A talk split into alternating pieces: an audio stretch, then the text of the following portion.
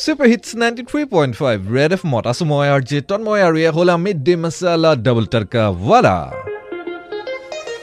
আৰু গমটো পাইছে যে ইলেকশ্যন কমিশ্যন অফ ইণ্ডিয়াৰ সহযোগত ৰেড এফ এমে অনাগত লোকসভা নিৰ্বাচনৰ পূৰ্বে লৈছে এক বিশেষ পদক্ষেপ আৰু এই পদক্ষেপৰ নাম হৈছে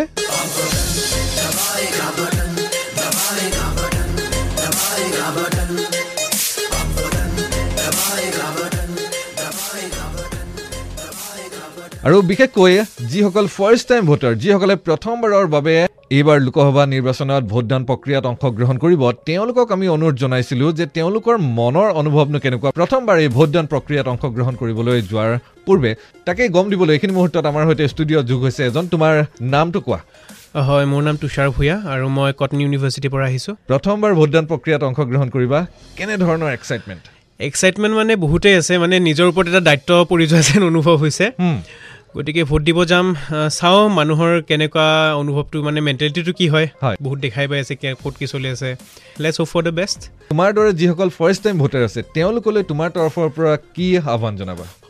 মই এইটোৱে আহ্বান দিম যে ওলাই আহক সকলোৱে ভোট দিয়ক যাতে হলিডে হিচাপে নলয় এইটো।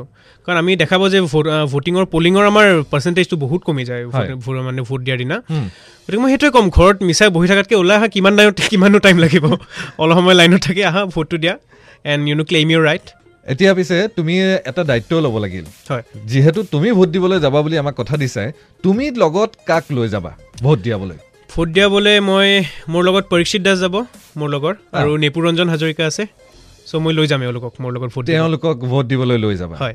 আৰু বহুত বহুত ধন্যবাদ। পিছে তুষাৰৰ দৰে যদিহে আপুনি ফাৰ্ষ্ট টাইম ভোটাৰ হয় এইবাৰ জেনেৰেল ইলেকশ্যনৰ তেনেহ'লে আমাক জনাওক আৰু আমাক জনাবলৈ হ'লে হোৱাটছএপ কৰক double nine five four zero' three nine nine three five নম্বৰত। যিকোনো মুহূৰ্ততে ৰেড এফ এমৰ ষ্টুডিঅ'ৰ পৰা কল যাব পাৰে আপোনালৈ বুলি আৰু আপোনাকো আমি এনেধৰণে ষ্টুডিঅ'লৈ নিমন্ত্ৰণ জনাই আনিম। আৰু কথা পাতিম আপোনাৰ মনৰ অনুভৱখিনি এই বিষয়ত। কাৰণ আমি এইবাৰ কৈ আছোঁ আব ৱটন দবাইগা button ninety three point five Red FM M বাজ্যাতিত